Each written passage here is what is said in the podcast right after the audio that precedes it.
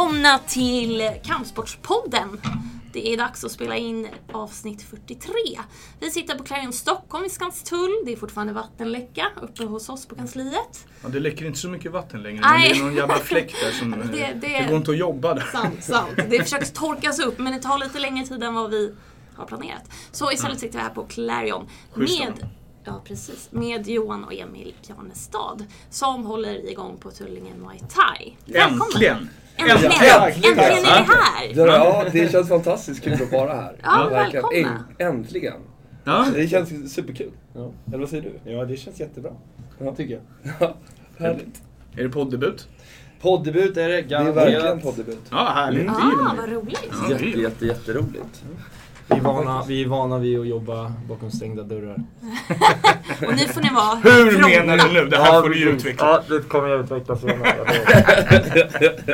Det låter spännande. Kan inte ni ta, och ta oss igenom lite? Eh, ni, ni öppnade, när öppnade er klubb? Hur kom ni in på kampsport överhuvudtaget? Alltså grejen är, från, från början, för, för ja, hund, nu är ju vi gamla liksom. Ja, men eh, vi började ju med... Ni är inte så gamla. Nej, vi är inte så gamla. Vi tar tillbaka det. är väldigt unga Vi är väldigt unga i sinnet. eh, Mm. Men vi började med boxning för väldigt många år sedan. Det kunde ha varit 2000, 99 eller 2000. Ja, 2001 tror jag till och med. Ja, nej, och då körde vi på Starfight här eh, på Södermalm. Ja. Med Paolo Roberto som... eh, ja, Han var ju inte tränare, han var ju där Han var ju liksom. där bara. Och vi, vi fick ju vara i lokalen samtidigt som Paolo var där och hoppa hopprep. Och titta på Paolo när han tränade. Och sen var det väldigt mycket hopprep som jag kommer ihåg. Det var inte så mycket boxning utan det var mest kolla på Leffe Karlsson och Paolo Roberto. Och det var lite så det började med att det här är ju rätt roligt. Sen kommer jag ihåg att jag fick spö av Paulos eh, sparringkompis Patrik. Han cyklade typ tre mil till träningen. Han hade en jättesnäv näsa och sen så bara... Ja, jag vet, jag var väl lite utstött så han tyckte väl lite synd om mig. Så han spöskiter i mig. Men det är ju ett bra sätt Det- att, det är eh. Det att få, till, alltså få in någon i gemenskapen. Ja, Verkligen. nej, men han, spöade mig snällt. så, han slog mig bara mot kroppen så det var, det var, det var helt okej. Det kanske var en sån invig, invigningsrit. Nu Ja, men är en i gänget. Så, Välkommen. så här brukar jag göra med Paolo sa han. Och så jag bara va? Och så, "Åh!" så gjorde han illa mig. Mm. Men det var den vägen vi tog i alla fall. Så Mm, vi och det var började- väl eh, något år kanske, var vi Ja. där. Hur gamla var ni då?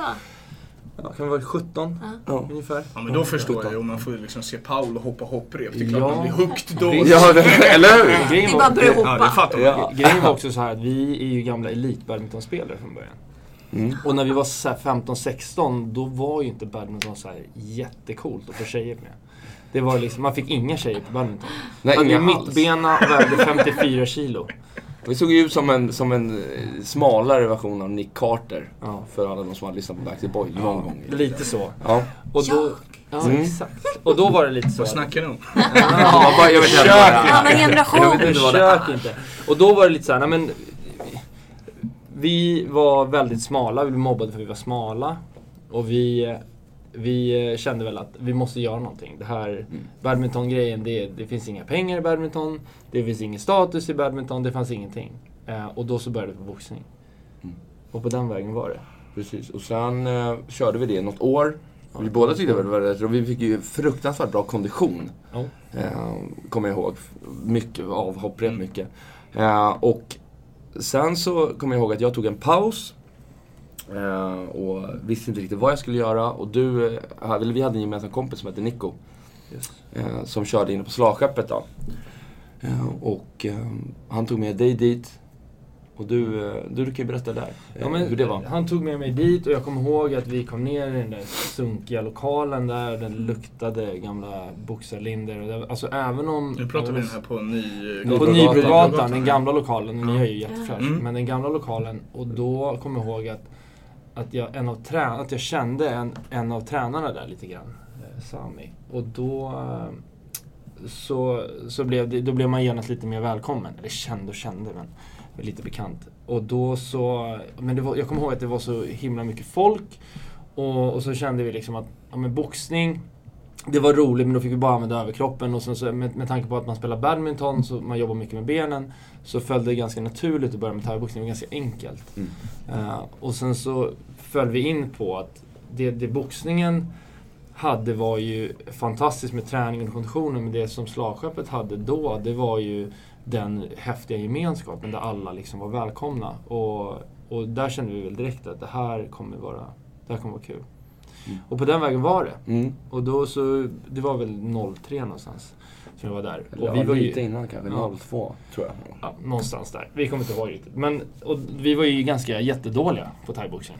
Var vi. Ja, vi var ju väldigt eh, talanglösa, skulle jag säga. Ja. Vi var absolut inte, eh, om man jämför med så dagens highboxare och ungdomarna, där Nej. var ju inte vi Nej. alls. Men ni var bra på badminton. Men vi var, Vi var väldigt, bra var på väldigt bra på badminton. Därför. och sen då började, då började du och sen halkade jag efter kanske, vad kan det ha varit, ett halvår, ett år senare. Ja, något sånt. Något sånt. Eh, och då kommer jag ihåg att du hade avancerat till tävlingsgruppen. Eh, och det var ju lite sådär... det gick till. Ja, ja, jag tror mycket var för att Nico gick i tävlingsgruppen och då så var det liksom, kan inte jag också få gå där? Ja, jag kan tjata mig säkert. Jag vet, det kan ha varit så att Peter Löf tyckte typ synd om det. Jag tänkte, ja men låt den där, låt den där killen, den där, den där smala badmintonspelaren vara med. Liksom. Och sen så, så får vi se vad det blir av det. Sen kom jag in, körde ett tag. Så Ehm, tjatade du dig till Sen så, typ, så, så var jag typ såhär, men jag måste få vara med min bror liksom. Så då sympati lät han mig. Väldigt, alltså jag känner ändå att Peter Löf var väldigt generös med att ta upp oss i tävlingsgruppen. Men vi var ju faktiskt dåliga. Men det blev ju bra av det i alla fall. Och sen på, på den vägen, eh, så samma sak som Emil säger. Att det blev en väldigt fin gemenskap. Eh, och sen så började i alla fall mitt intresse, jag tror ditt också gör, gjorde, var när vi hade vänner som började i nybörjargruppen eh, på slagskeppet då. Och vi insåg att nybörjarna hade väldigt, väldigt, det var väldigt mycket folk redan då. Alltså när vi snackar i väldigt många år sedan. Eh, och det var väldigt, väldigt mycket folk på nybörjarpassen. Och det var inte, det fanns bra kompetens men det var oftast liksom en tränare på 40 elever. Eh, och där kände vi väl också när vi hade några kompisar som gick i nybörjargruppen ett behov av att typ hjälpa till. För vi kände att det inte är så schysst mot nybörjarna att, inte, att ha en tränare. För det, det är på tre fyra minuter på en övning, det finns inte en möjlighet att alla kommer få hjälp. Eh, och då började vi båda hjälpa till. Mycket för att vi ville vara kvar för våra kompisar var där. Men också för att vi såg ett stort behov till att här kan vi liksom vara med och, och hjälpa till och bli bättre. Någonstans lära oss själva till att okej, vad är det egentligen vi säger, vad är det egentligen vi gör? Så det var liksom där det första embryot till er Exakt. tränar... Exakt. Verkligen. Det skulle jag säga i alla fall var mitt, Mm. mitt liksom case av att få vara med och hjälpa till och bli accepterad för att hjälpa till också var väldigt stort. Att inte så här, nej men du är, du är liksom, du, du är inte tillräckligt bra, du är liksom. Utan att få den acceptansen att så här, men kom in och hjälp till, det är bara bra om vi kan få mer kompetens för nybörjarna.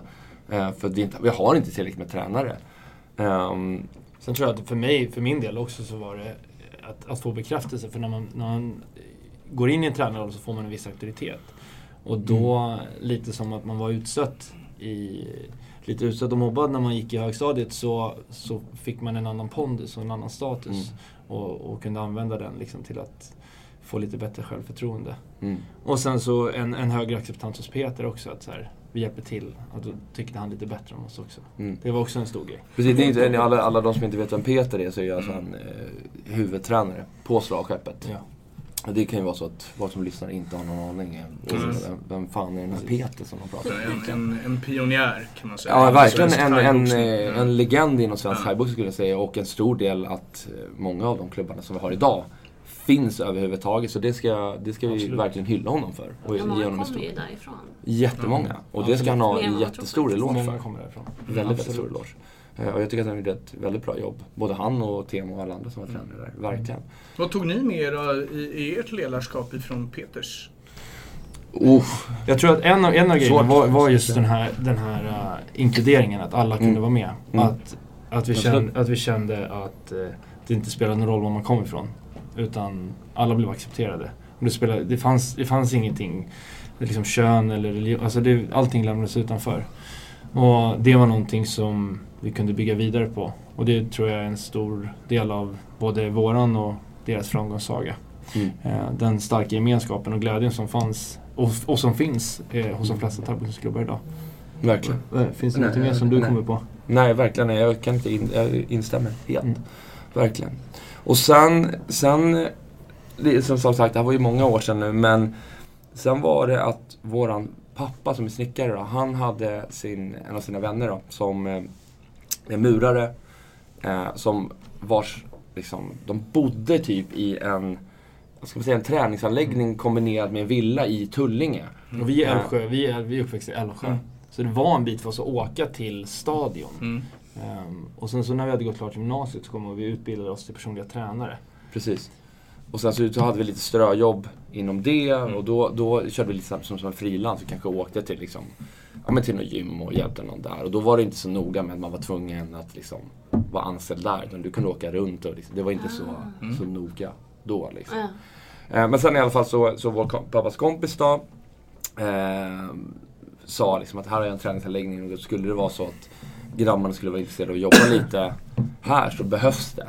Och då tog vi ju lite jobb där inom den här träningsanläggningen med alltså, massa grejer. Ja, alltså med grupppass och hjälpte till lite där för att samla erfarenhet. Gick lite, lite småutbildningar och jag kommer ihåg att vi, vi stod och körde lite vattengym för pensionärer någon gång också. Ja, Vi tyckte, och de älskade det. Vi tyckte det var skitkul. Vi bara, ja men här står vi liksom, två unga grabbar och kör vattengympa med några pensionärer. De älskade det. Och så bara, ja men vi vill ha tillbaka de där unga sköna grabbarna. Som de kör vattengympa med. Ehm, så det tyckte vi var askul. Och sen så hade, var det så att i den här anläggningen då, så fanns det ett rum som blev ledigt som en sjukgymnast hade haft. Eh, och då frågade Cecilia, som hon hette då, eh, som drev den här träningsanläggningen då. Eh, hon frågade oss om vi skulle vilja hyra det rummet. Och då hade vi liksom kanske ingen tanke riktigt på vad vi skulle göra med det rummet. Men vi sa typ ja. För att det var billigt och så här. Och det var ett, det var ett litet rum, så jag tänkte jag men det gör vi. Och sen 30 så, kvadratmeter. ja, Någonting. Ja, typ. Och sen så kollade jag på Emil och så kom jag ihåg att vi båda så här kollade på varandra och eh, vad, vad fan ska vi göra med det här rummet? Men jag vet inte vad vi ska göra, men det var ju så billigt typ. Som ungefär som Så, att... så bara, Ah! ta det! Ja, det är som att såhär, nu ska vi köpa två Pepsi Max för fyra spänn. Du bara, jag vill ha det. Sen bara, jag ska ju inte dricka läsk. Nej, jag dricker ju inte Pepsi Max, men det är ju Men det liksom- var billigt. Men det var, men det var billigt liksom. Och ehm, så då, då kommer jag ihåg att vi tog den här lokalen så, så diskuterade vi fram och tillbaka och så tänkte jag, men här kan vi liksom köra lite thaiboxning. För att det är kul.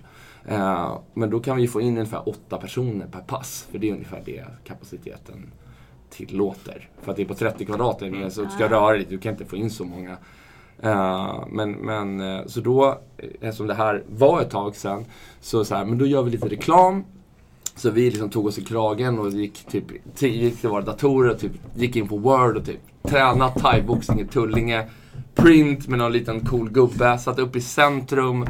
Eh, Jag och hade så, två bilder på, kommer jag ihåg, på dig och mig. Vi var fortfarande jättesmala. Då hade vi ju tränat i alla fall i några år. Så vi vägde inte 54 kilo, men vi vägde väl typ så här 65 kilo.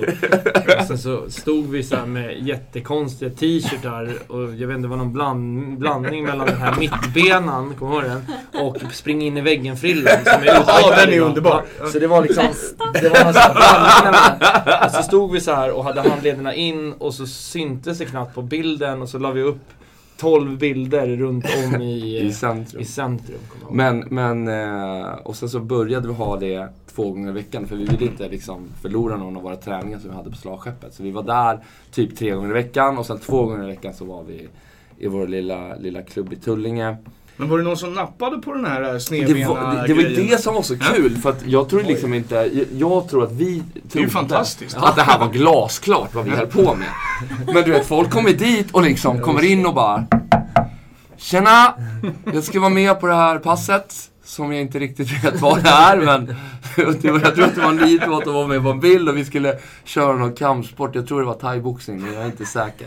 Så var det någon som, vad är thaiboxning? Det var Ja. ingen aning. Nej, det var liksom så här, men det, det, det tänkte jag att alla, det vet ju alla redan. Men det visste liksom ingen vad det var. Så då, då kom jag in i alla fall ett gäng där på typ 10 pers. Så då insåg jag att shit, vi har ju liksom ingen utrustning eller någonting. Alltså vi vet inte riktigt vad vi håller på med alls. Är ing, ingen som helst struktur på, vi, vi var ju duktiga på att hålla pass. Men så här, jag kommer ihåg att i början så var vi liksom typ fortfarande inspirerade av Karate Kid. Och jag vet att Emil sa att om ni inte vill göra liksom 200 armhävningar då måste ni gå från ena vägen till den andra och liksom köra Cobra Kai och säga så här kill, kill, kill, kill. Typ så här. Och gör det inte det och vi får filma det. då blir det liksom 200 armhävningar. Vilket är såhär nu i efterhand, superkul. Alltså verkligen så här, fantastiskt roligt. Några av de här personerna tränar fortfarande kvar på klubben. De har varit iväg några år och sen kommit tillbaka. Men de är fortfarande kvar. Mm. De kommer ju ihåg de här grejerna. Och de kan ju återberätta vissa grejer som är bara så här helt befängda. Som man bara fick för sig att man skulle göra. Ja. Typ sådana där Ni borde ha någon typ av arkiv. Skriva Ja. ner allt sånt här. Ja, det hade varit häftigt. Men eh, och sen så vet jag att vi köpte, vi köpte, in, lite, vi köpte in lite utrustning och lite så här, folk kunde köpa lite handskar och oss. Vi köpte bara av någon, jag kommer inte ens ihåg vad vi köpte det. Liksom. Men vi köpte in någonting som vi kunde sälja som folk kunde ha. Och sen så liksom kom det dit, jag tror att det tog, vad kan det tagit? Tre, fyra må tre månader. Sen hade det liksom 60-70 personer som kom dit och körde. Och vi började så här. det här kanske liksom är, är rätt bra. Eh, För folk är generellt sett väldigt nöjda, folk tycker det är jättekul. Nu kunde de ju bara köra två gånger i veckan för sen var ju vi på slagskeppet. Så att, eh, men, men de gillade det. Eh, och jag kommer ihåg att vi, jag, jag har ett vagt minne av att vi blev lite retade på slagskeppet. Att vi, vad, vad håller vi på med? Ja, men det blev det säkert. Jo men det blev vi nog på med glimten i ögat också. Men jag Ja, tror inte ens vi visste själva det heller. Så det var väl befogat kanske. Målet var ju inte att bli där vi är idag. Då var det inte. Men vi kände väl efter ett tag att så här, det här finns, det finns, ett, det finns ett stort liksom, behov av att vara lokala. Och då frågade vi ju de här personerna som var där att varför kommer ni hit? Mm. För vi måste ju ändå få veta och göra någon typ av analys på om det här är bra eller dåligt. Och då hade ju vägtullarna kommit. Det här var ju i början av 2007. Så vägtullarna hade precis kommit in i Stockholm och det, så här, det, det tar lång tid att åka från Tullinge till stadion. Det tar jättelång tid och på den här tiden, för de som inte vet, då fanns det typ tre thaiboxningsklubbar i hela Stockholm. Det var liksom Slagskeppet, VBC och Stockholm Muay Thai. Det var Svea de- Muay Thai kanske. Ja, kanske Fanns fanns. det. Men det var de, de kända som fanns.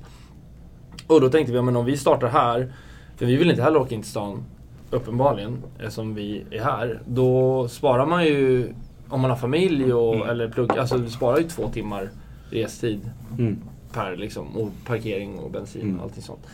Så att då var det någon, jag kommer ihåg någon stretching där efter fyra fem månader. Så, ja, men har ni inte hört att det finns andra lokaler eh, på andra sidan centrum? Då? Typ, vi ligger en kilometer från centrum.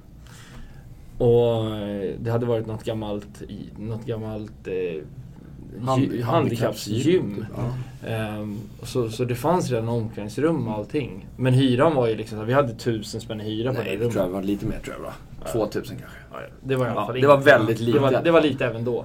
Och så skulle vi ha den här och då var det så här treårskontrakt och det var så här 15 000 i månaden. Och liksom det var... Stort Ja, återtagande. det, verkligen. Och vi frågade alla medlemmar försäkrade, vill du fortsätta om vi byter lokal? Liksom, vill du? Ja, ja, vi alla ska fortsätta. Och ja, halleluja, det kommer bli så bra. Så vi liksom bara gamblade och, och körde, skrev på det där kontraktet. Och sen så direkt efter så tänkte jag, om det, inte här, om det här inte går, då är det 500 000 kronor som liksom försvinner, som vi inte har. Ehm, och det är inte så kul.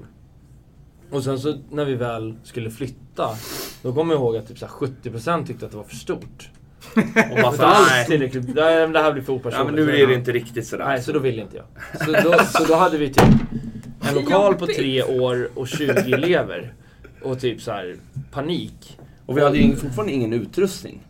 Nej, Nej, det hade vi vi hade lite mitsa kommer jag ihåg. Ja. Vi var linoleummatta. Och Jag fick precis barn Jag fick precis barn samtidigt som vi öppnade det där. Så jag hade liksom en späd bebis. Och vi hade linoleummatta och typ så här några gamla rostiga mitsar. Och inget folk.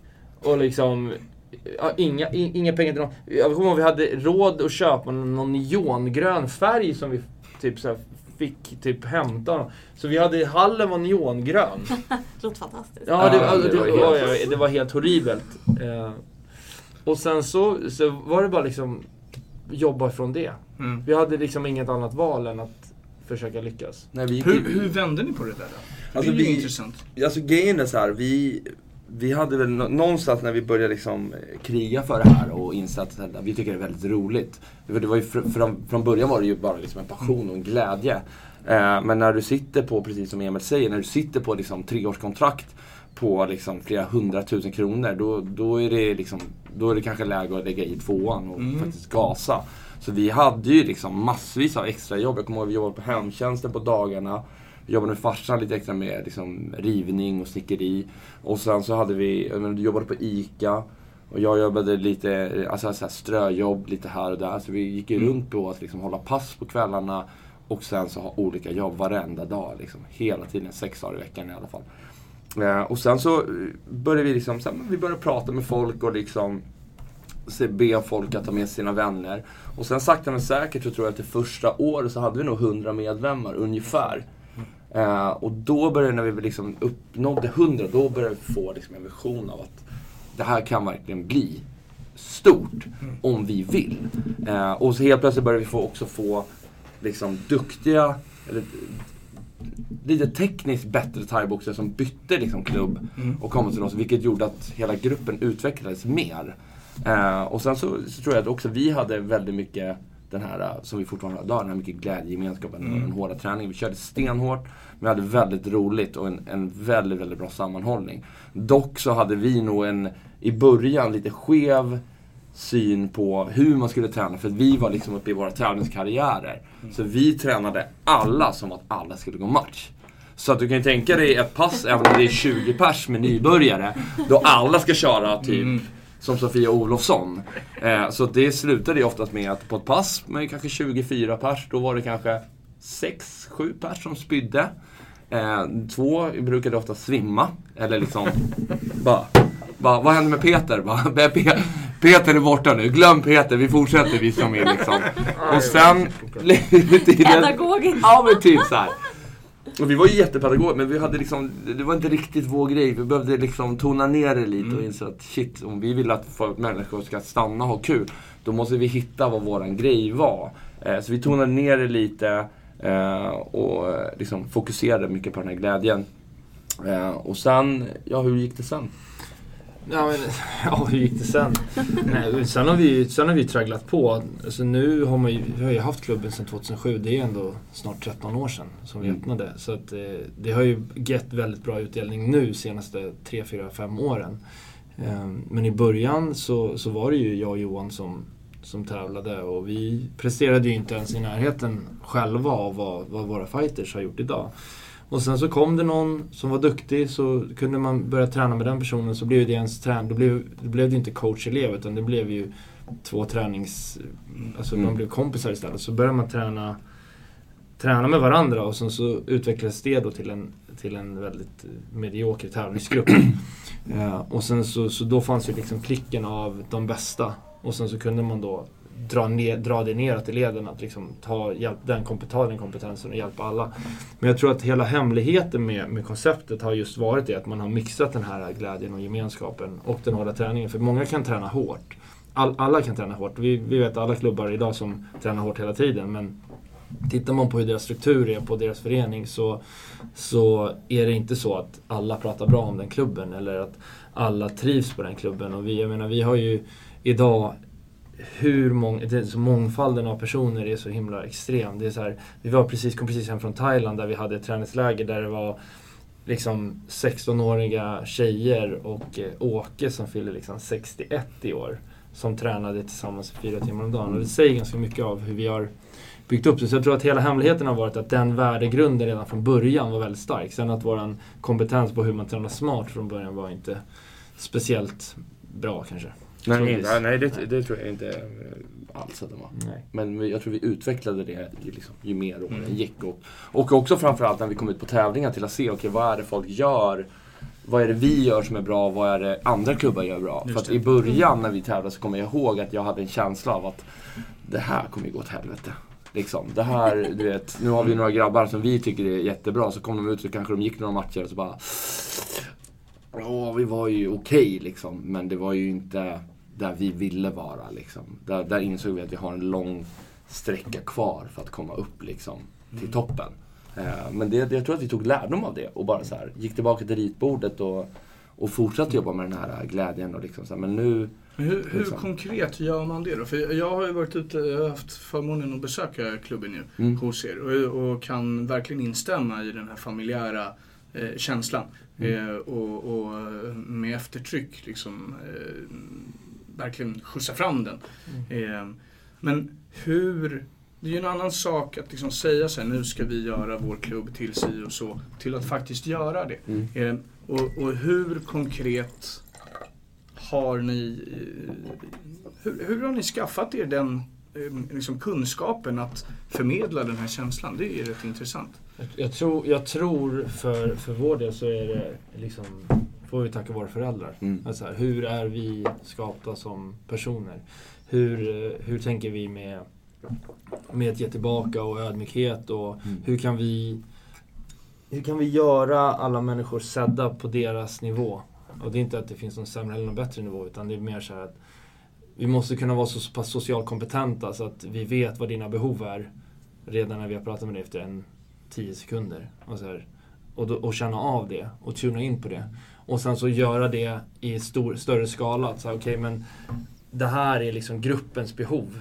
Så elitgruppens behov har ju ett, ett, ett annat behov än vad tjejgruppen har. Och juniorerna och barnen har ett annat behov än vad nybörjarna har.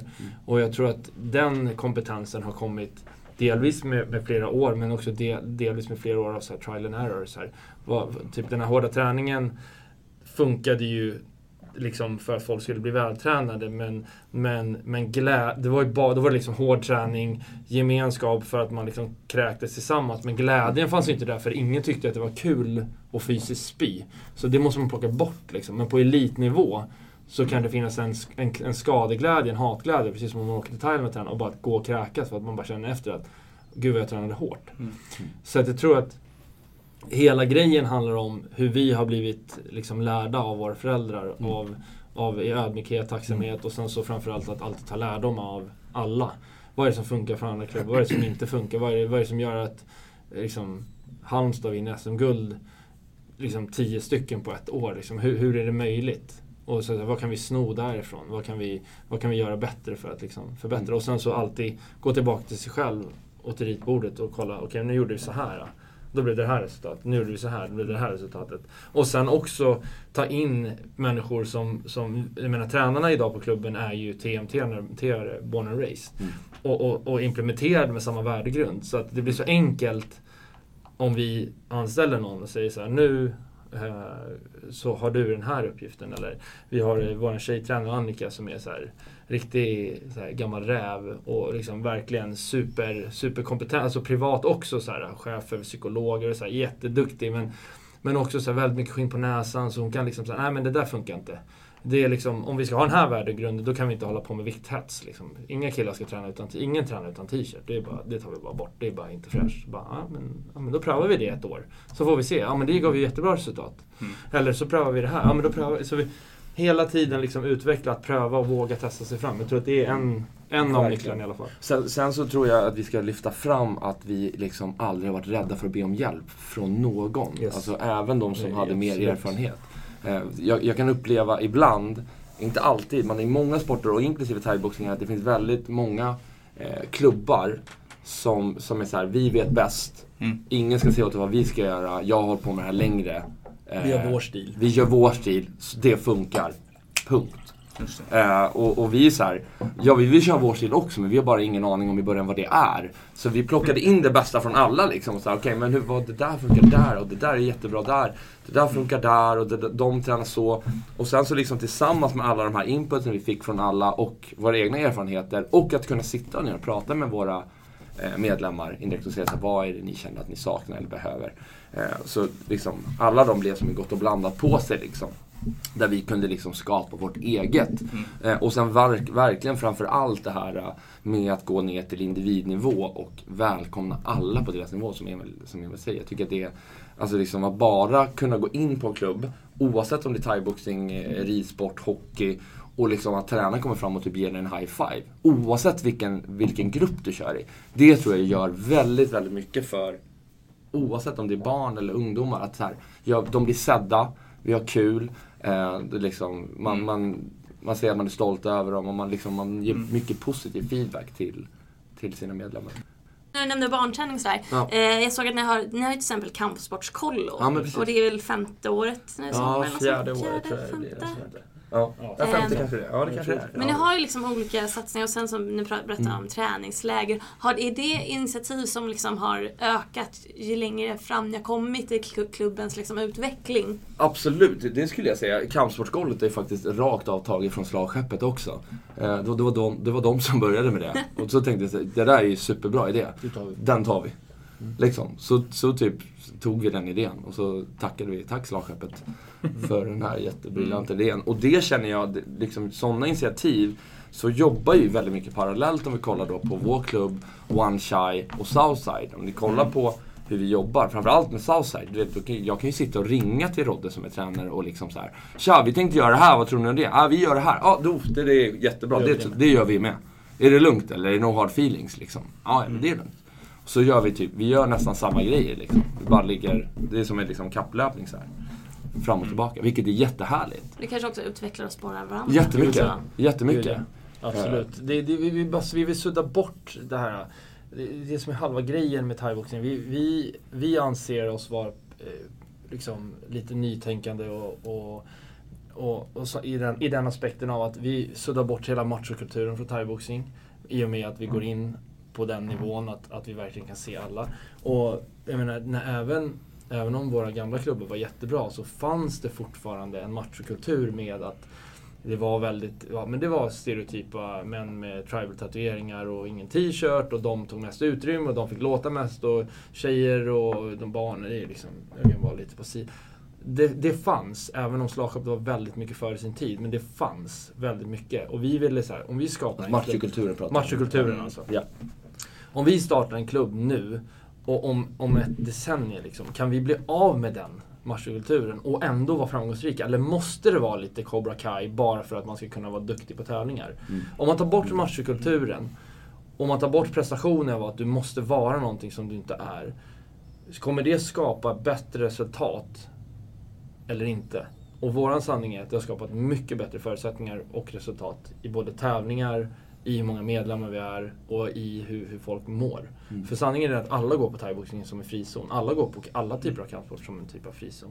Och, och sen så även om man gör det för att tävla så är det fortfarande en frizon i att man har ett mål. Så att, eh, ja, jag vet inte om det var svar på frågan. Ja, men Mm. jag, jag tycker det där är rätt intressant för att jag kommer ju egentligen då från i, eh, andra delen av idrotten, alltså lagidrotter. Mm. Eh, och där erinrar jag mig om att det är ganska långt mellan att liksom, klubbledare ringer varandra och frågar Hur du, kan jag göra det här? Eh, kan du tänka dig liksom, din klubb ringa vår, min Nej, klubb och säga så Hörru du, den där forwarden jag, vi skulle vilja ha. Hur, hur ser honom?" ni på honom? Ärligt. Ja. Liksom, det, det finns ju inte. Ehm, och, och du tränar med dina egna och kompetensen tas in till din egna verksamhet så att säga. Och det, Mm. Väldigt lite dela. Ja, det känns som det i alla fall. Jag vet inte hur det funkar nu riktigt, men det känns som det. Och ehm, då, då blir det ju också väldigt intressant i det ni säger. Liksom, jag har en 61-åring som tränar tillsammans med 17-åringar. Ehm, alltså, om, om man då helt ärligt liksom, ställer sig frågan så här. Jag är 38 bast, har aldrig någonsin hållit på med den här idrotten. Kan jag komma till er klubb då imorgon och få plats? Mm. Liksom. Mm. Och då säger de allra flesta kampskor, äh, säger som er, liksom nickar. Ja, ja, självklart, liksom, kom. Men om jag skulle ställa den frågan till lagidrotterna så är det nog lite tuffare. Liksom. Mm. Då blir det mer så här, hör du, det, det finns ju korpen liksom. Mm, mm. Absolut. Men är inte det där väldigt intressant? För om du skulle vända på det, att om du frågade någon som varken höll på med lagidrott eller kampsport, vilken sport de skulle anse vara hårdast. Vi tar, eh, tar din mamma exempelvis. Om du frågar henne så här, vilken sport skulle du anse vara hårdast? Thaiboxning eller hockey? Mm. Då tror jag att de flesta som är lite äldre skulle säga, ja men det där med kampsport, det dör man ju typ av. Mm. Alltså liksom, det... Ja, men det finns fördomar. Ja, du förstår vad jag menar? Ja, det finns Säkert fördomar. lite äldre generation. Eh, och då är det ju väldigt härligt att så här, du som har hållit på med lagsport själv kan säga så här. Fast jag anser att det är hårdare klimat i dagens läge, eh, även säkert några år tillbaka också, i lagsporten att kunna göra sådana här grejer än i kampsporten. Mm. När den äldre generationen tycker att kampsporten är liksom det är liksom, det, det, det dör man av. Alltså där, det är, där åker man på spö på riktigt och liksom. För det, det, verkligheten de har sett är ju bara den, de ser på TV. Ja. Liksom, här är någon som blir nedslagen. De har sett en verklighet som inte finns. Exakt. jag säga. Sen ska Ja, jag också, eller förlåt. Sen, sen ska jag också liksom förtydliga att hela, när hela MMA-vågen kom in, det var ju liksom två, i, ti, i Sverige, så här, typ 2010 började det bli väldigt populärt. Och då hade vi funnits i tre år och då, då, då tänkte vi så här UFC och så här. Vi kommer ju gå i konkurs liksom. Alla kommer vilja köra, då sa man ju att man körde UFC, nu har jag inte så bra koll. Men, då, men liksom alla vill köra den här stående brottningsgrejen i en bur. Och då var det så att när, när vi började 2007 och speciellt när vi började 2003 då, då, var ju, då gick ju folk, de här machokillarna då framförallt Även om vi kanske inte försökte tillhöra dem, det gick nog inte så bra. Men med så här t-shirtar där det stod så här Muay Thai, the deadliest sport in the world. Så här, det var så här vanliga t-shirts som alla hade på sig. Liksom. Låter man sådär då? När man Ja, ja, ja. Det, deadly. det Deadly. låter, så, det låter som en liksom... det är som en biotrailer. Det, låter inte glad indisk man liksom. Och det, så låter det inte. Men, och, då, och då när MMA liksom började bli så här, då, då, precis som med, med taekwondo och boxning, det blev, det blev ett skifte. Att MMA blev livsfarligt, men thaiboxning är väl ändå, då är det okej. Mm. Då, liksom, då bara Mm. plupp, då trillade thaiboxning ner. Och det var en jättefördel för alla klubbar i hela Sverige. Mm. Därför helt plötsligt blev thaiboxning accepterat, MMA var för, för knäppa snubbar som ville ligga och strypa ut varandra. Mm. Så det blev jättelyft för oss och det kunde vi rida på också då med den här visionen av att, att skrapa bort machokultur. Det där lät nästan jätteroligt att du sa det. Vadå? Det handlar om alltså, knäppa killar som ville ligga och strypa ut varandra. Jag, vet inte, jag tyckte det lät... Ja, ja men det, det lät ju väldigt ja, härligt. det, är lite, Ja. det är lite en grej som jag har tagit patent på. Ja. Nej, men det, det, det, det är en spännande utveckling det där. För att jag, jag minns mycket väl, liksom, i, i, jag kom in i förbundet 2009. Eh, och det, det, första, det första mer eller mindre som kastades på mitt bord var ju att det skulle komma ett, ett program, Uppdrag, uppdrag granskning. Liksom. Eh, Välkommen till jobbet ungefär. Eh, eh, typ. eh, och det, det, det som blev sen var ju en, en, en, en, eh, ja, en otrolig sörja av eh, liksom, eh, nu ska vi förbjuda, nu ska vi göra det, nu ska Ja. vi göra det.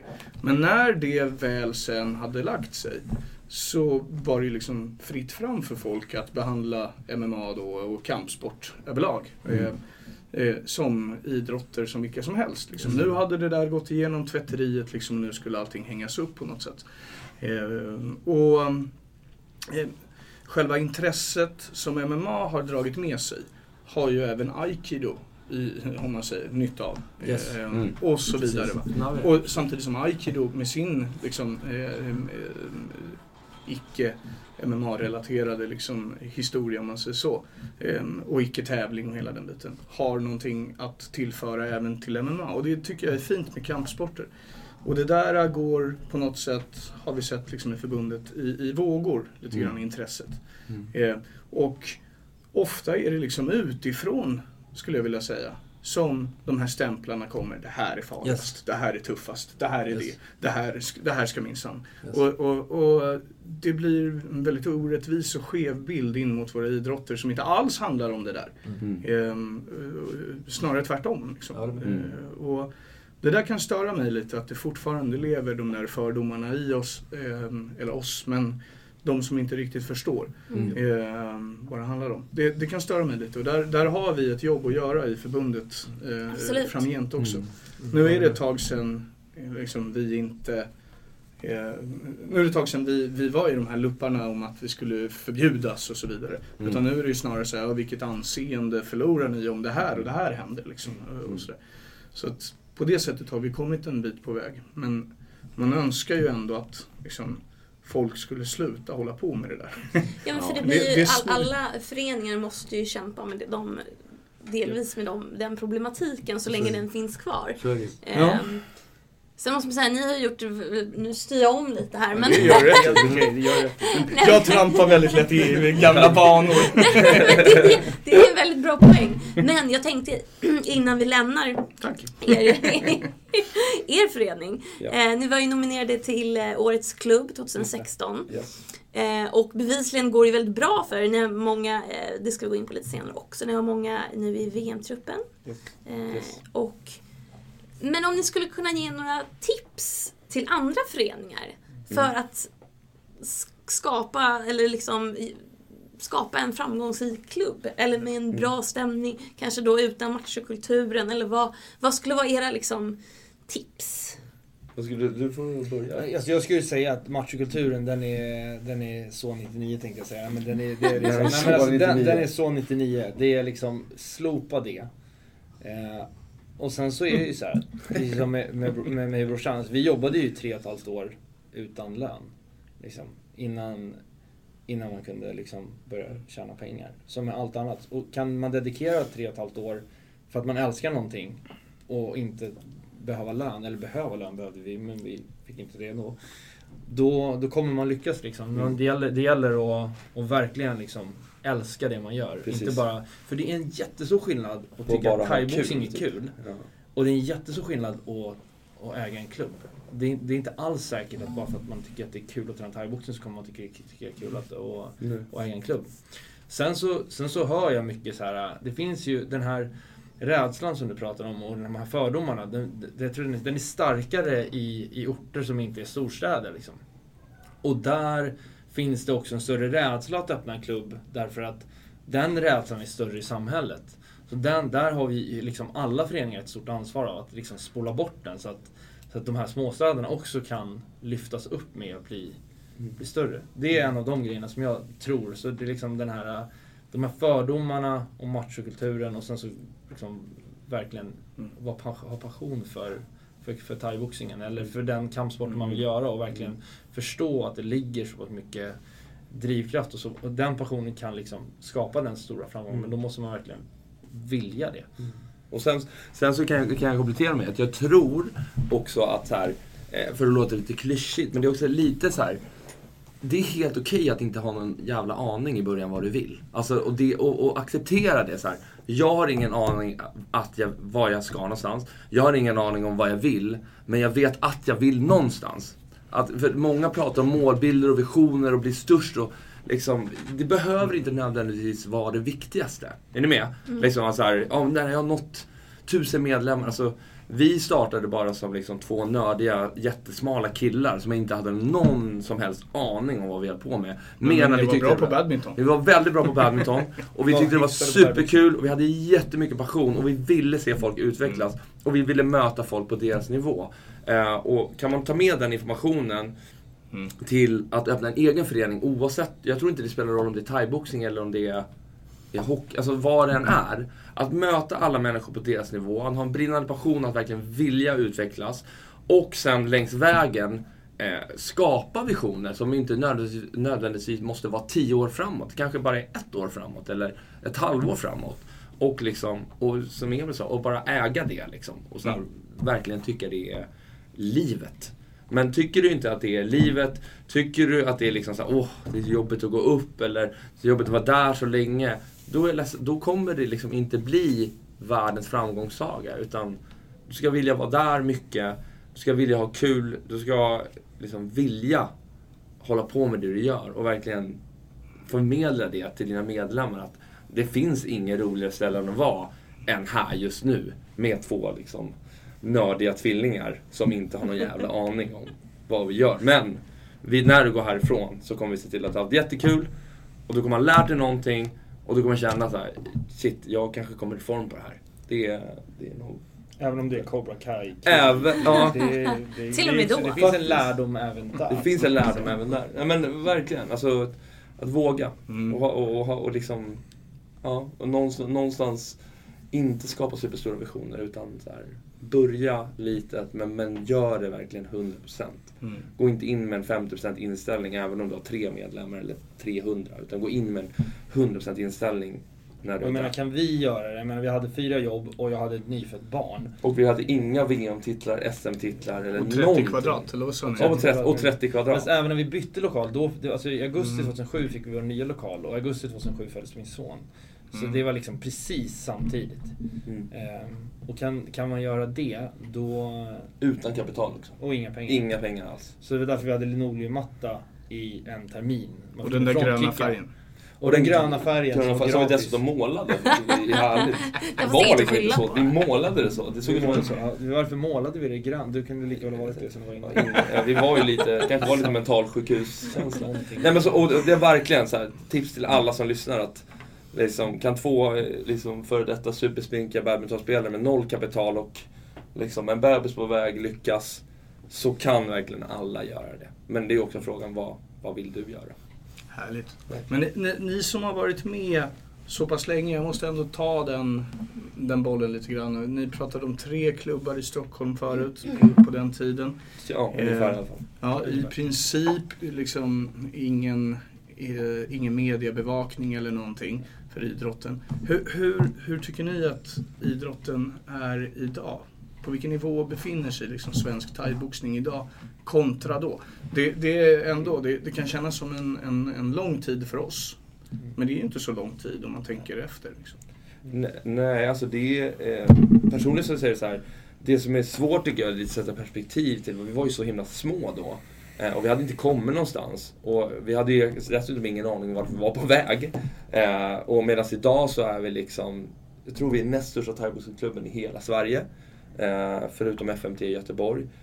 Och vi liksom, Hur många medlemmar har ni idag? mellan 600 och 700 medlemmar ungefär. Fantastiskt. Ja, jätte, jätte, jättehärligt.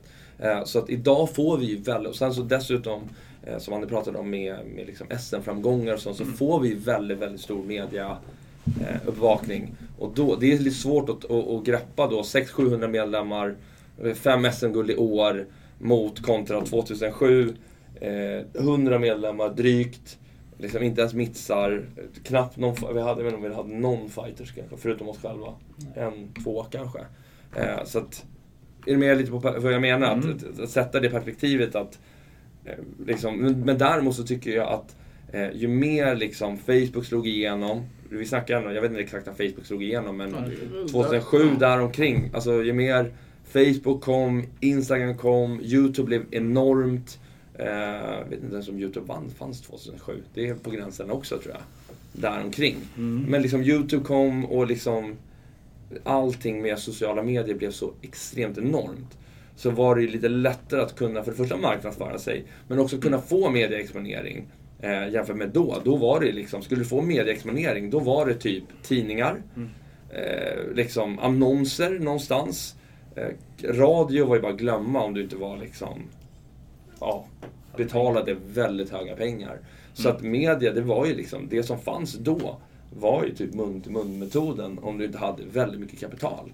Så det, det att jämföra med idag, det, alltså, för mig, det går inte. Alltså, det är, Men jag, jag skulle ändå säga så här att jag, jag tycker att thaiboxning har ju såklart fått en uppsving de senaste 10 åren. Men man tittar på, eller senaste 15 åren kanske, om man tittar på SM liksom på 90-talet där det var så här, två personer som ställde upp i en viktklass och den som vann var bäst i Sverige. Och det var så här en liten fuktig gympasal i, i Mora. Liksom. Ja, men typ så här, jämfört med, om man tittar på hur häftigt SM 2019 var arrangerat i liksom Mm, Rondo bredvid Liseberg. Liksom. ja, det är häftigt. Det är Svinhäftigt. Däremot så tycker jag rent generellt sett att thaiboxningen får extremt lite mediebevakning. Alldeles för lite liksom. Mm. Det, det, det, med tanke på hur mycket, hur mycket thaiboxning påverkar dagens ungdomar och hur, hur konstruktiv den kan vara med att liksom personer som har hamnat snett kan komma in i en Mm. klubb, och det behöver inte vara vår klubb, och ändå hitta någonting som blir, istället för destruktivt, blir konstruktivt och ta sig ut på andra sidan. Det borde ju kommunerna lägga miljoner på för att, för att trycka ut på en mediebevakning bara där. Mm. Men, men det gör de inte därför att politiskt sett så är inte thaiboxning fortfarande än idag, 2019, accepterat. Fördomarna. Mm. Fördomarna finns kvar och desto äldre generationer, desto mer Mm. fördomar. Exakt. Det är tyvärr min uppfattning. Så att jag skulle säga att Vad tror du? thaiboxning är... Vad tror du det, jag sa att det, det kan ju bero lite på att oavsett hur mycket sporten växer i medlemmar så ändrar inte folk generellt sett sitt tänk liksom, bara för att det har gått tio år. De är kvar fortfarande. Eller så är det en, annan, Exakt. en äldre generation som sitter Ja, på de här exakt. Precis. Så när beslutande de- när den posterna. Det är också en liten stoppkloss. Så när den generationen liksom sadlas om till en, till en yngre generation, då tror jag att det kommer finnas en större lätthet i det. Mm. Och en större trygghet i att det inte finns, att, att liksom, att det är en trygg sport, det är en bra sport. Men som ser ut idag så tycker jag att den officiella mediebevakningen är, den är alldeles för dålig. Mm. Den, är, den är horribel om jag ska vara helt ärlig. Absolut, det tycker jag. Men, men, men på egen sektor för marknadsföringsmässigt så Egen, för egen för vinning liksom egen del det ju- och andra klubbar. För thaiboxning Sverige så har, har ju klubbarna sig och eh, givetvis Bud och kampsportförbundet mycket större möjligheter och kanaler att få ut budskapet om Absolut. sporten. Både genom att vi gör Eh, någonstans måste ju också Bud och kampsportet ge en eloge till att komma med på, S- på liksom SM-veckan för SVT. Det är ju inte så att SVT ringer till Bud och kampsportet och bara “Tjena, vill ni vara med?” eller “Vi har en ledig plats här”. Utan det är ju liksom års av krigande för att kunna vara med på sådana grejer. Så lite har ju i alla fall hänt.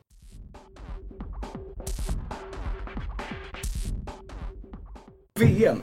Apropå VM. Ni har ju tre fighters som är med som tog SM. Yes. Eh, Mattias Jonsson, Jonathan Larsson, eh, som är debutant i VM-sammanhang. Ja, precis. Eh, Stämmer ja, bra. men nu Stämmer pratar vi bra. de som Stämmer är från er som är Yes, VM. Och stämmer. Anton Sjöqvist. Jajamän. Eh, kan inte ni berätta lite? Det måste varit helt fantastiskt att på SM att komma därifrån med tre eh, Även, nu kan jag inte reglementet till 100% men eh, då måste ni ändå ha fått hint om att här kommer flera landslagsmedlemmar Mm. eh, som kommer från Tullinge. Absolut. Alltså det är ju... Eh, jag tror, jag anser, eller vi anser ju fortfarande att eh, liksom, eh, SM är det största vi kan vinna i Sverige. Eh, det går nästan, det är nästan som att det är liksom en, en förtursbiljett till stora proffsgalor. Alltså det är väldigt få fighters som skippar SM för att så här, ja men du har en proffsmatch och då är det ändå så här. Det ska krävas väldigt mycket för att man ska skippa SM för att få ta proffsmatchen. Eh, och precis samma sak att vinna då SM-guld i svåra och tuffa viktklasser är ju extremt roligt. Eh, och jätte, jättestort för klubben. Eh, nu, som en Mattias, nu kanske jag låter lite skrytsam men nu har han ändå vunnit, hade han vunnit tre Shoot. Precis, han vunnit tre gånger innan. Eh, vi vet att han är den starkaste och, och bästa 63,5 kilos fighten Sverige har just nu. Eh, så för, för, han att vinna ett fjärde kom inte, jag tror inte det kom för någon i, i den här podden som en chock liksom. Han borde slå lite hårdare. Han borde slå lite hårdare. Jag tyckte det var fantastiskt att Broar hade skrivit i, i liksom, sin så här, tippning eller krönika att så här, Mattias Jonsson brukar vara värd en trepengen. Jag tyckte det var så jävla härligt skrivet. Så han kom och kolla, Fick det, det är hybris, värt. Mattias. Ja, då fick han lite hybris. Han fick det? Ja, Ja. Han var tvungen, han var tvungen att copy-pasta det på sin händelse och ringa in. Ja. Och sen så när Polo sa du, du håll i hatten, det kostar liksom 110 kronor inträde. Det är, liksom, det är inte värt så mycket. Så, eh, och, och lite eh, samma känsla hade vi om vi går till Anton då. Som hade gjort ett fantastiskt junior-VM.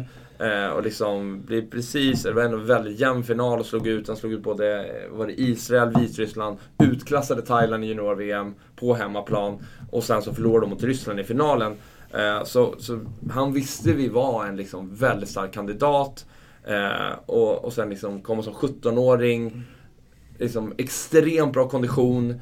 Eh, och våran, våran liksom tanke var väl att, för det första är han väldigt duktig. Han har fått rätt bra erfarenhet liksom via landslaget. Eh, och han har extremt bra kondition, vilket kommer göra liksom motståndarna trötta. För att ta någon, även om någon inte är så gammal, som är liksom 23, 24, 25. Det är svårt att ligga på den där maxnivån hela tiden utan att ta slut. Utan, och, och dessutom är han en väldigt smart fighter. Som kan liksom läsa av eh, sina motståndare väldigt bra till, okej, vad är den här personen som gör bra? Och vad är den här personen gör mindre bra? Killen gick en SM-final Southpaw fast han är ortodox liksom, en hel match. Eh, det säger väldigt mycket om honom. Liksom. Ja, det är imponerande. Ja, Så, eh, så han är en väldigt smart fighter. Eh, Jonathan Larsson är ju en väldigt, alltså han är ju en rätt... Jävla fint namn alltså.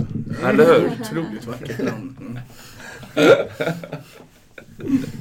Men han är ju väldigt, liksom, han, är, han, han sparkar och slår väldigt, väldigt hårt. Eh, och han, jag, jag skulle nog säga lite typ, lite som Sunny. Han är liksom rätt strategisk av sig. Han håller sig lugn och, och är liksom duktig på det här med vinkelgame. Liksom att hitta vinklar för att träffa sin motståndare. Och få in andra att bli liksom, komma in i hans game. Precis som thailändarna gör. Helt plötsligt har man en, liksom, en holländsk stil, sen så går man med Thailand, så står man med händerna en meter utanför sin egen gard och gungar och man har liksom ingen aning om vad man håller på med. Varför gör jag det? Varför gör jag det här? Och lite så är Jonathan i sitt game när han möter någon. Att han, Ja, han lurar verkligen in eh, liksom, sina fighter att men här, så här ska vi thaiboxas. Liksom. Och det vet jag ju själv att, eh, att du Broberg har, har lite så här, gillar hans thaiboxningssätt och, och namn. Nej, jag vet att Ja, du har nej, honom ja, lite, absolut, lite favorit. eh, Ja, ja jag, jag, jag är svag för just den, den, den stilen som han har. Alltså. Mm. Och att, eh, jag gillar folk som har sån otrolig tillit till sin egen blick Mm. på något sätt. Mm, Eh, och kan verkligen. läsa av. Och inte behöver liksom eh, gå in eh, utan vara var den här lite taktiskt smarta. Liksom. Mm, Jag, jag mm. kommer ihåg, jag älskade att se Björn Köllerström fightas. Mm. Oh ja, Bland annat. med. Eh, Jätte, tyckte han var jätteduktig. otroligt smart Mm. fighter. Och, och. Eh, nej, eh, eh, Jonathan han har, han, eh, han har den här gungande sköna stilen också. Och så Mm. händer det någonting som inte ser så mycket ut för världen, men som ändå skadar. Eh, Mm. ja, jag tycker det är en härlig, Och- en härlig stil att se på.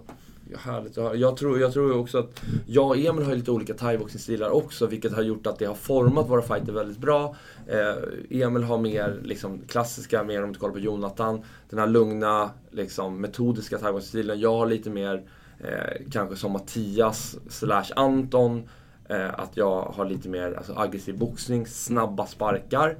Eh, och där, jag tror att våra stilar kombinerar våra fighter väldigt bra. Det är därför många tycker att det är lite roligt med Tullinge för det är ingen som ser lika... Det är liksom, du kan inte säga ja de kommer göra det här.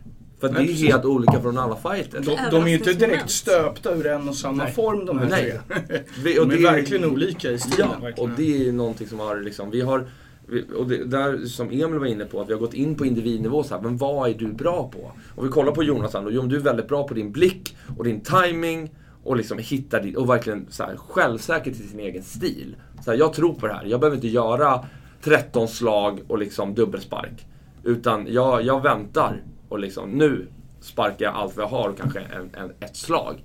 Medan Anton exempelvis har vi liksom gjort så pass all-around att han kan anpassa sig till att okej, möter du en sån här motståndare, då har vi den här gameplanen. Möter du en sån här motståndare, då kan du ha den här gameplanen. Och liksom format det för att han är så duktig på att ta till sig allting.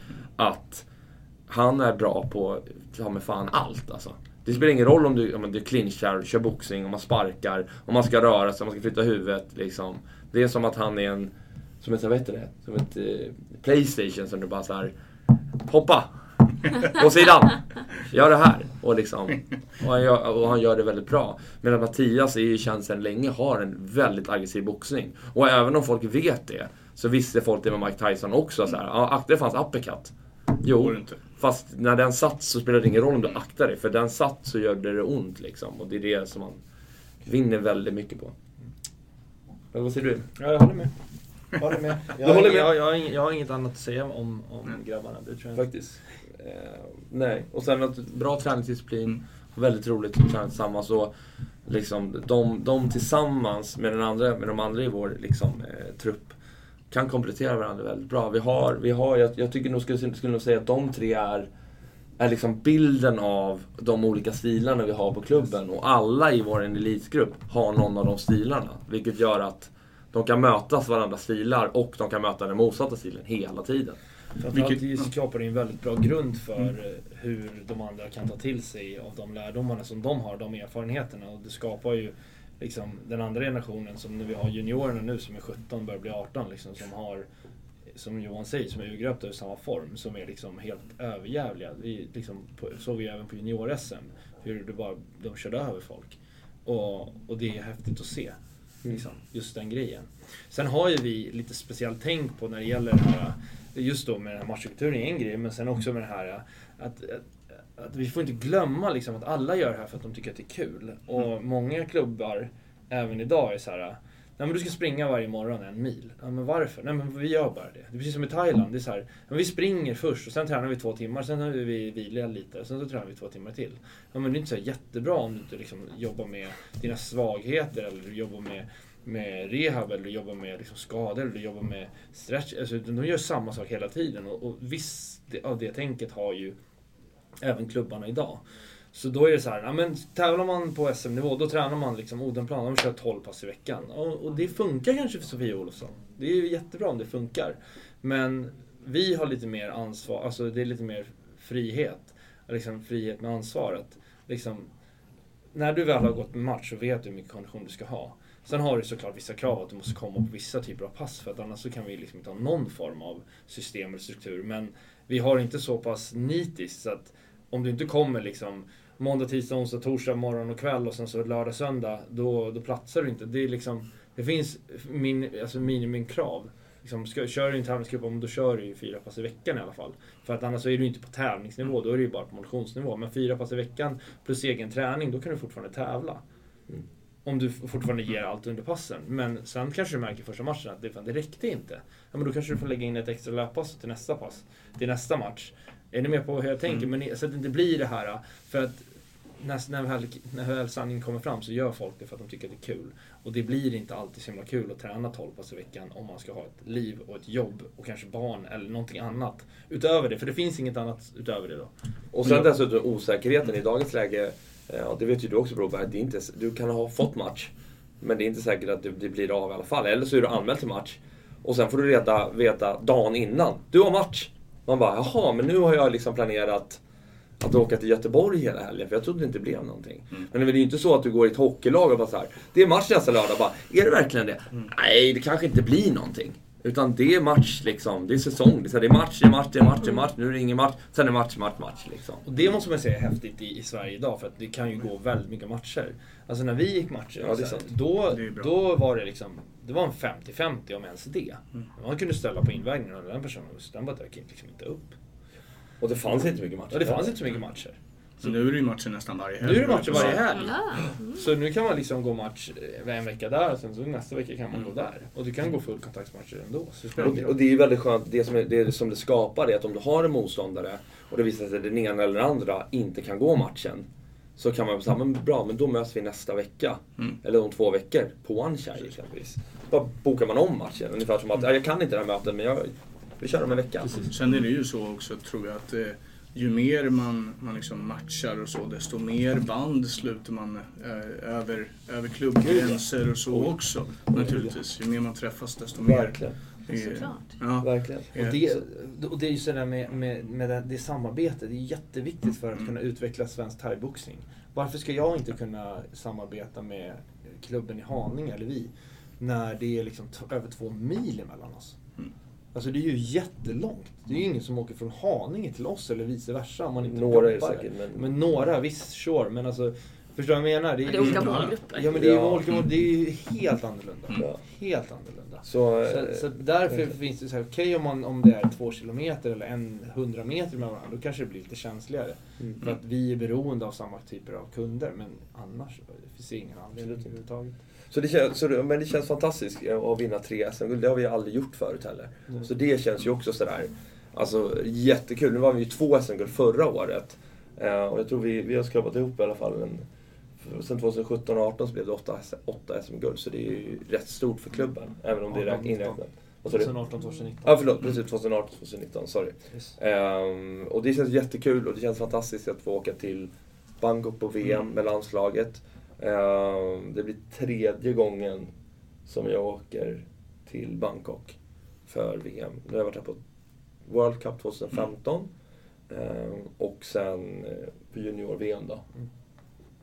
Nu. Och så blir det tredje gången. Det blir jättekul med tanke på att det, jag tror det bara var åtta herrar i Mm, tre av åtta tror jag ni hade. Ja, Mm. så det känns ju superkul. Och Kenny också, men han ska väl gå i Kenneholm, han ska Precis. gå i U23. 23, exakt. jag, ja. Det är ju typ nya sortens B-klass. ja, just det. Eh, Precis. Vilket är bra. Vilket är jättebra. Och där, jag med handen på hjärtat, jag tror att Emil håller med mig. Jag tror att vi har jättestora chanser att ta medalj för alla grabbarna. Mattias framför allt, han är ju råsugen på revansch sen Mexiko. Och så här, fick ett brons och bara, nej, nu jäklar. Och enligt rykten, återigen, jag kan inte säga att det är 100% bekräftat, så ska ju liksom Igor Lubchenko inte vara med i år för att han har vunnit fem VM-guld och känner väl att nu vill jag inte längre. Och det var hans ord som han sa vid Mm. prispallen. Eh, och hoppar han av så finns det ju stora chanser för Mattias. Mm. Eh, och eh, i Antons viktklass, vad jag hörde ryktesvägen, så var det helt sjukligt många Vad var det? Var det inte du som hade hört att det skulle jag vara så här? hörde det, men vi, som sagt, vi... Det är spekulationer. Vi, spekulationer. Men, eh, vi, har- vi känner ju 75 kilos killen från eh, Kanada, Scott Mm. McKenzie, och han sa att det skulle vara över 90 pers med i 75 kilos Oj. klassen. Så det, jag vet Oj. inte om det stämmer, men då Mm. är- blir det ju väldigt mycket matcher. Så, det det. där, men, men vi har väldigt, väldigt stor tro för Anton. Mm. Och vi tror att det kommer kunna gå superbra. Eh, När jag snackade med honom så sa han att han trivs i Thailand och det är ett gott omen. Då. Superhärligt. Mm. Jon- Jonathan, eh, det blir jätteintressant. Vi Mm. tror ju självklart jättegott om honom också. eh, Och vi tror att det kommer gå kanonbra. Men eh, hans stil och Ifmas stil är väldigt olika. Och det blir väldigt intressant och kul tycker jag. Att se hur han kan anpassa sin stil till Ifma, Mm. till liksom Ifma-människorna. Om ni förstår? If, Ja, i Mm. regelverket. Ja. Ifma-regelverket och Ja, Ifma lite mer Fighters. Liksom. Väldigt många jag menar, andra länder som tränar liksom ren Ifma Ja, ja. stil. Liksom. Det är inte riktigt klassisk thai. Det är någon blandning mellan thai och kickboxing. Jag vet inte vad det är. Ja. Nej, men det är något För det är väl lite där ändå som man skulle kunna säga att det finns en liten plump i svensk thaiboxning ändå på, på senare tid. Damerna har ju varit eh, som en maskin skövlat, veritabla guldmaskiner eh, maskiner, Oh, ja. liksom. Men herrarna, där, om jag inte missminner mig så är väl senaste guldet i A-klass det som Rickard Nordstrand tog Ja. 24, Ja, något sånt. tror jag. Ja, det är typ 15 Så, år sedan. ja, så det börjar bli dags att ändra på det där, Ja, verkligen. tycker vi. Ja, det vore Det vore ju helt fantastiskt Det faktiskt. vore ju... Ja. Och där, Kostas var ju väldigt nära. Kostas Ja, var väldigt väldigt nära. nära Filip- den matchen. Filip var väl rätt nära också. Filip var där och tog ett silver va? Precis. Mm. Så vi är ju där och traskar, men, Ja. men jag håller med. Alltså jämför vi herrarna mot damerna. Alex. Eh, jämför vi herrarna mot damerna så är det ju det är inte på samma nivå. Eh, Än. Mm. Liksom. Damerna, det är som du säger, de, det är liksom som en löpeld bara. Guld, guld, guld, guld, guld. Guld. Det är nästan förvånad när det blir liksom några guld bara. Liksom, och så här, men vadå, vi ska ju vinna minst fem guld här.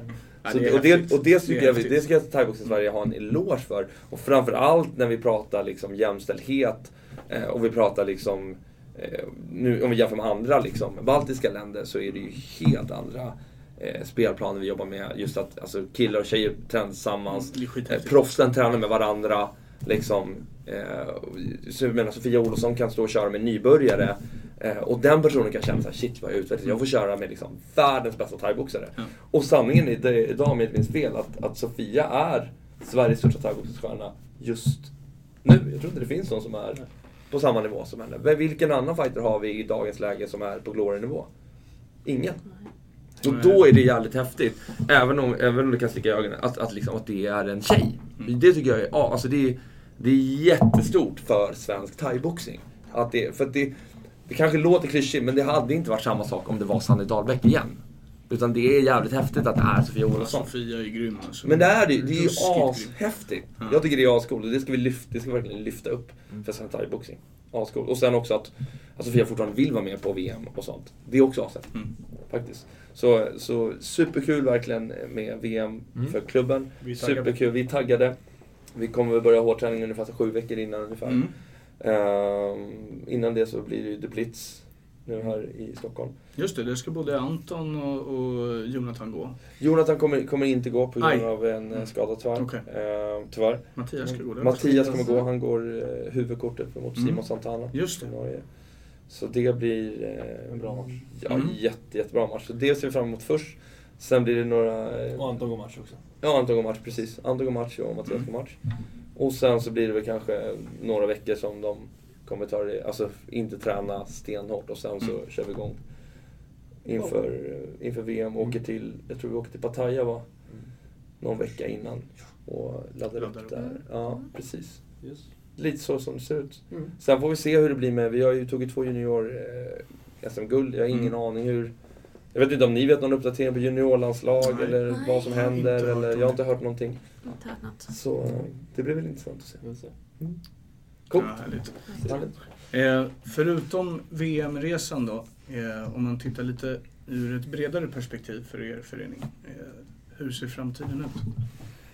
Ska du gå in på det? Ja du, bra fråga. Nej, men alltså, som det ser ut nu så, så tror jag att vi har så här, uppnått vår potential när det gäller medlemsantal. Vi kan liksom inte ta, ja, du har ju varit i vår lokal, Mm. den är inte så himla stor. Du, jag måste bara citera det. Broberg sa så här. Det var lite kul att komma dit på juniorgruppen för det kändes som att barnen stod att, liksom, och köade till en stor teaterföreställning. Och sa, Hur gammal är du? Det är liksom inga barn som står och köar längre till en teaterföreställning. Snarare, snarare att det är extrapris på godis. Vi skulle inte snacka ålder i det här, sa vi inte det? Ja, det var så härligt. Ja, men det var ju barn överallt. Jag tänkte det här måste ju vara liksom... Var det, ja, men jag tänkte så här ballonger och alltså, ansiktsmålningar typ. Ungefär. Eh, Nej men det var, skit- det var jävligt häftigt att se. Ehm, Men jag, Ja. jag, tror, jag tror att medelsamtalsmässigt så är vi där vid Mm. brytpunkten. Ja. Utan det vi måste göra det är ju att, att få med, vi har ju väldigt få tjejer som tävlar för oss. mm. Det är ju det som är så tråkigt. Så nu har vi ju min tjej då som går match eh, nästa helg, one tjej, och sen en annan tjej som går match, one tjej nästa helg. Och fortsätta utöka liksom, så att vi får mer tjejer som tävlar. Mm. Vi hade ju rätt många tjejer förut. Ja, vi, Bea Malek är ju Mm. gammal TMT-are och Precis. Mm. Sara Mattsson är också gammal TMT-are.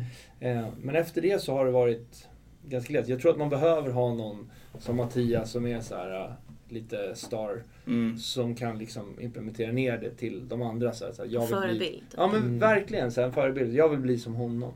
Sen så, tror jag att det kan ligga någonting i att man liksom, eh, som nu har vi då två tjejer eh, som kommer tävla. Att bara ha någon tjej som faktiskt tävlar kommer kanske göra andra Som tjejer sugna på att så här, shit, ja, alltså, Mm. oavsett hur det går så är det så här. Jag vill också tävla. Mm. För att om Mm. hon kan, Mm. Kan jag. Sen har vi duktiga juniorer som är under 15, det ska vi inte dra Nej, det har De är vi. jätteduktiga, tre, fyra stycken. Bland annat Antons eh, Sjöqvists lilla syster Vilma är ju jätteduktig. Eh, och kommer bli väldigt duktig. Hon fyller 14 i år. Så. Mer tjejer, absolut. Mer tjejer och ja, kanske en större lokal framöver. Ja, större lokal framöver vore, vore jätte, jättehärligt. Men och framförallt liksom fortsätta utveckla barn och ungdomsverksamheten. Mm. Vi ska väl fortsätta som, som du sa, vi ska väl fortsätta ha event och kampsportskollo. Vi, kommer, anordna matcher. Vi ska börja anordna matcher Mm. också. Kul. Yes! Hörni, jag tror Ja. att vi måste börja runda av. Absolut. Ja, superkul att vara här. Mm. Tack. Superkul att ha er här. Mm. Jätteroligt. Eh, vi ska också tacka Clarion Stockholm, Skanstull, Ja. sitta här när Tack. Clarion. Jättegoda karameller har de här. Bra. Tack så mycket! Tack så mycket. Tack.